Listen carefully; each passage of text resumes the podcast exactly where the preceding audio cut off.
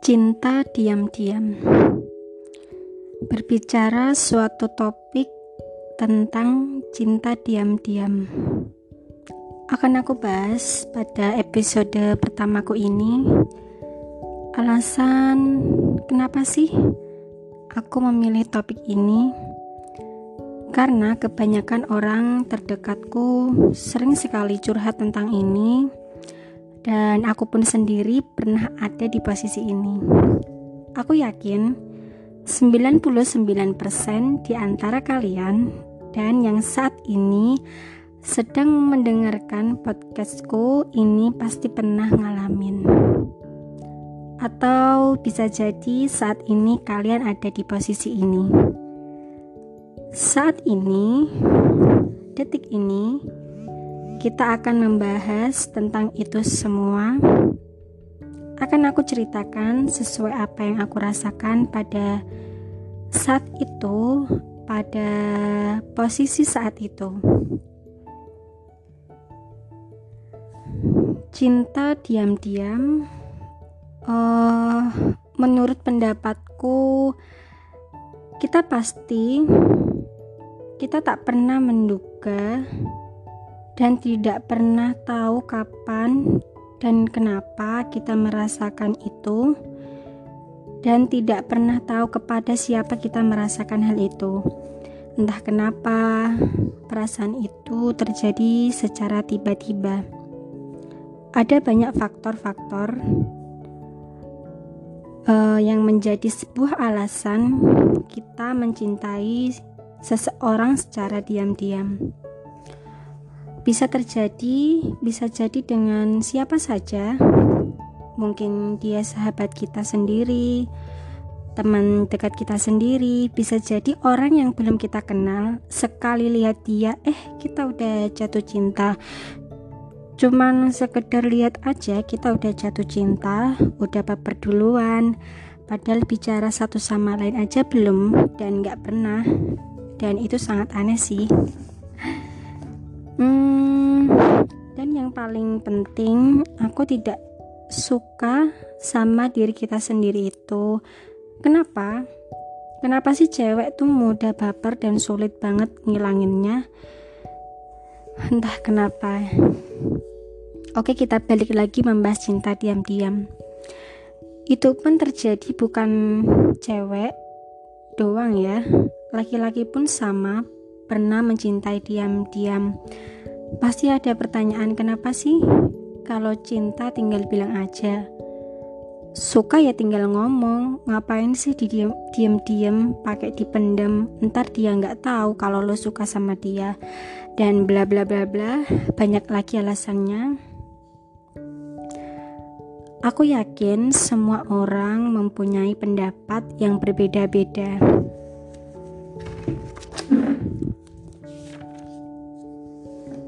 Um, di sini aku akan membahasnya menurut pendapatku sendiri dan prinsip yang aku punya.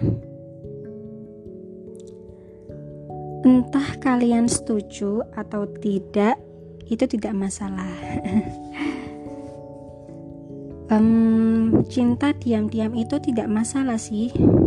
Sebagian orang-orang memilih cinta diam-diam mungkin dia adalah salah satu seseorang yang tak mau mempublikasikan kepada banyak orang-orang dan memilih untuk disimpan sendiri secara rahasia. Cukup hati dan diam dia sendiri yang tahu. Kadangkala saat kita ada di posisi itu, entah kenapa, saat kita melihatnya saja, rasanya kita ngerasain seneng banget, bahagia banget. Kadang mikir, suka halus sendiri, dan bertanya-tanya pada diri sendiri, dia suka nggak ya sama aku? Seandainya dia tahu perasaanku. Dan di saat kita ketemu dia, uh, entah kenapa hati kita, suasana di sekitar kita semua berubah baik baik saja. Yang tadinya kita lagi sedih, lagi galau, pusing, pokoknya lagi down banget. Entah kenapa semua luntur, semua hilang begitu saja. Saat dia muncul, eh, menurutku kehadirannya, kedatangannya merubah suasana hidup kita. Dari hal yang terkecil hingga terbesar. Dan entah kenapa, dia juga merubah sikap kita. Ingin merubah diri sendiri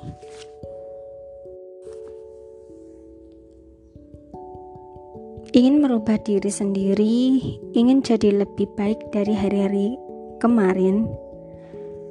Jujur, aku pernah ngalamin itu dan aku seneng banget. Aku pernah ada di posisi itu.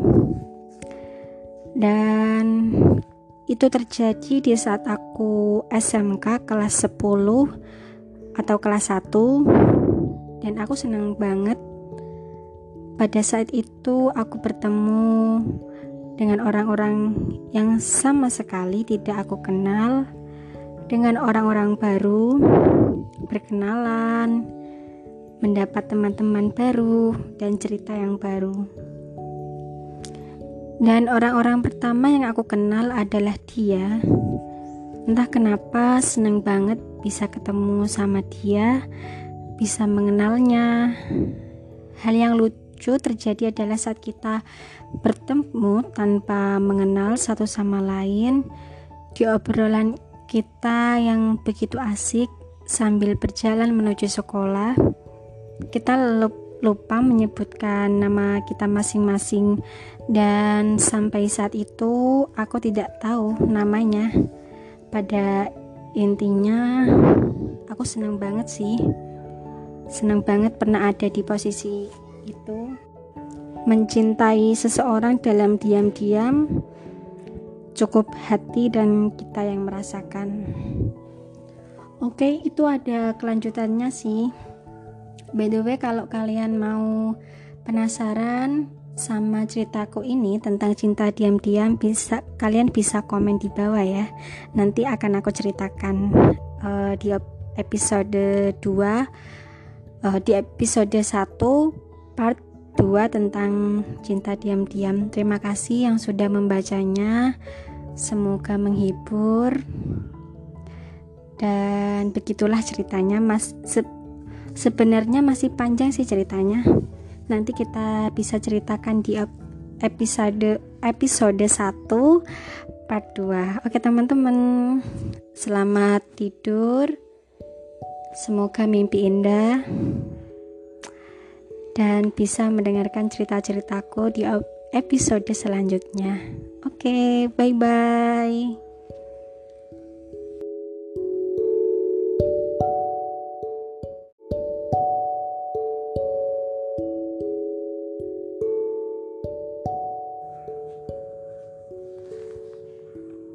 Membahas mengenai mencintai diam-diam. Uh, aku yakin kalian yang ada di sana yang jauh dari aku namun dekat di hati. Uh, mencintai diam-diam. Mungkin 99 orang di antara kalian pasti pernah ngalamin ini dan aku pun sendiri juga pernah ngalamin uh, dan aku juga yakin yang saat ini sedang membaca podcast podcast podcastku ini uh, mungkin karena ka, ka, kalian pernah mencintai seseorang diam-diam atau sekarang saat ini kalian sedang mencintai diam-diam. Oke, malam ini aku akan membahas itu di episode pertamaku ini kita mulai.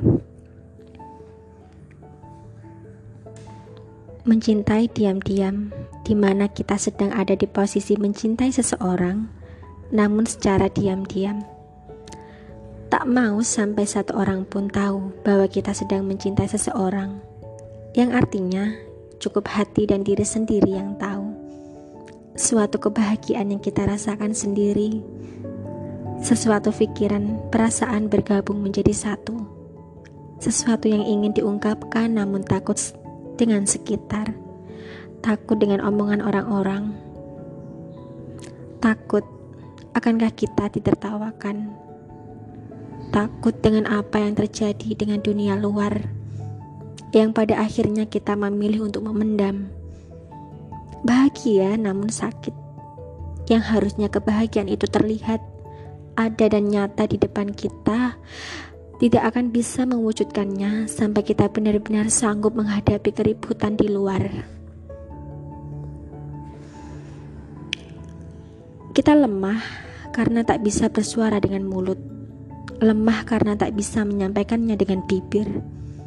Ingin bersuara namun takut didengar, ingin teriak namun itu sekedar halusinasi. Dibilang bahagia namun tidak bahagia, seperti rasa sakit yang tak berdarah. Bisa bicara namun memilih membisu. Entah berhenti di manakah kemunafikan itu. Terus berjalan Perbedaan antara bibir dan hati terus berlawanan. Hati selalu jujur, hati selalu benar, tak pernah mencoba untuk berbohong. Selalu ada permusuhan antara hati dan bibir. Sungguh, keadaan jiwa, raga, pikiran menjadi satu. Namun begitu lemah, lemah tiada tara Melihatnya saja membuatku tersenyum-senyum sendiri. Kehadirannya membuatku lupa akan rumitnya dunia, menyadarkanku bahwa aku bisa bahagia, melupakanku akan kesedihanku. Sejenak memikirkan kegabutan itu, gabut yang berasa bucin dia hadir dengan merubahku menjadi manusia yang bucin. Bucin dalam sebuah kesembunyian yang tinggal dalam ruang dengan halusinasi yang tak pernah akan menjadi nyata. Bertanya kenapa bisa mencintainya, mencintai seseorang yang tak pasti, mencintai manusia yang belum tersedia adanya fakta-fakta yang nyata. Semua terungkap hanya lewat dengan sebuah ballpoint dan kertas.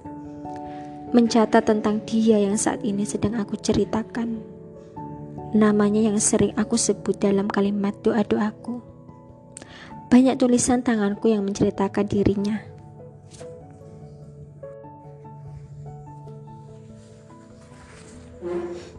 Seribu alasan yang tanpa sengaja masuk di dalam kehidupanku masuk di dalam sebuah kisah-kisah dongengku. Cerita yang begitu aneh, unik, dan banyak cerita yang sebelumnya yang tak pernah ku tebak, tak pernah ku pikirkan. Namun dia tiba-tiba datang, sifatnya yang telah membuatku kagum padanya. Penampilannya yang begitu rapi dan bersih membuatku bersyukur atas kehadirannya dalam hidupku. Entah dia tahu atau tidak, aku tak peduli. Namun aku, namun aku lebih bahagia jika suatu saat nanti dia tahu akan tentang perasaanku padanya. Kupastikan aku sangat bersyukur apabila dia merasakan hal yang sama. Amin. Aku pun tak bersedih hati. Berjanji tak akan menjatuhkan air mata walau sedikit jika dia bukan jodohku karena Allah lebih tahu yang terbaik untuk para hamba-hambanya. Selalu yakin bahwa yang baik akan berpasang dengan yang baik pula, dan begitu juga sebaliknya. Semua ada hikmah, tak perlu disesali. Allah selalu membolak-balikan para hamba-hambanya. Satu kata yang selalu aku ucapkan di sebuah doa-doaku yaitu mencintai karena Allah. Dalam pintaku, jika dia memang yang terbaik, semoga Allah mendekatkanku. Jika dia memang bukan yang terbaik, semoga Allah jauhkan. Amin. Dengan cara itu, insya Allah kita tak akan merasa kecewa, namun kalimat syukur akan terucap dalam hati dan bibir kita. Tak perlu ada yang disesali. Jodoh gak akan ke mana. Tidak salah kita mencintai seseorang asalkan sewajarnya. Namun menurutku mencintai secara diam adalah sesuatu hal yang cukup sederhana, cukup tepat bagi diriku sendiri. Begitulah ceritaku tentang mencintai diam-diam. Semoga kalian senang bisa mendengarkannya. Selamat malam, selamat tidur. Semoga kalian bisa mendengarkan cerita-ceritaku di waktu berikutnya.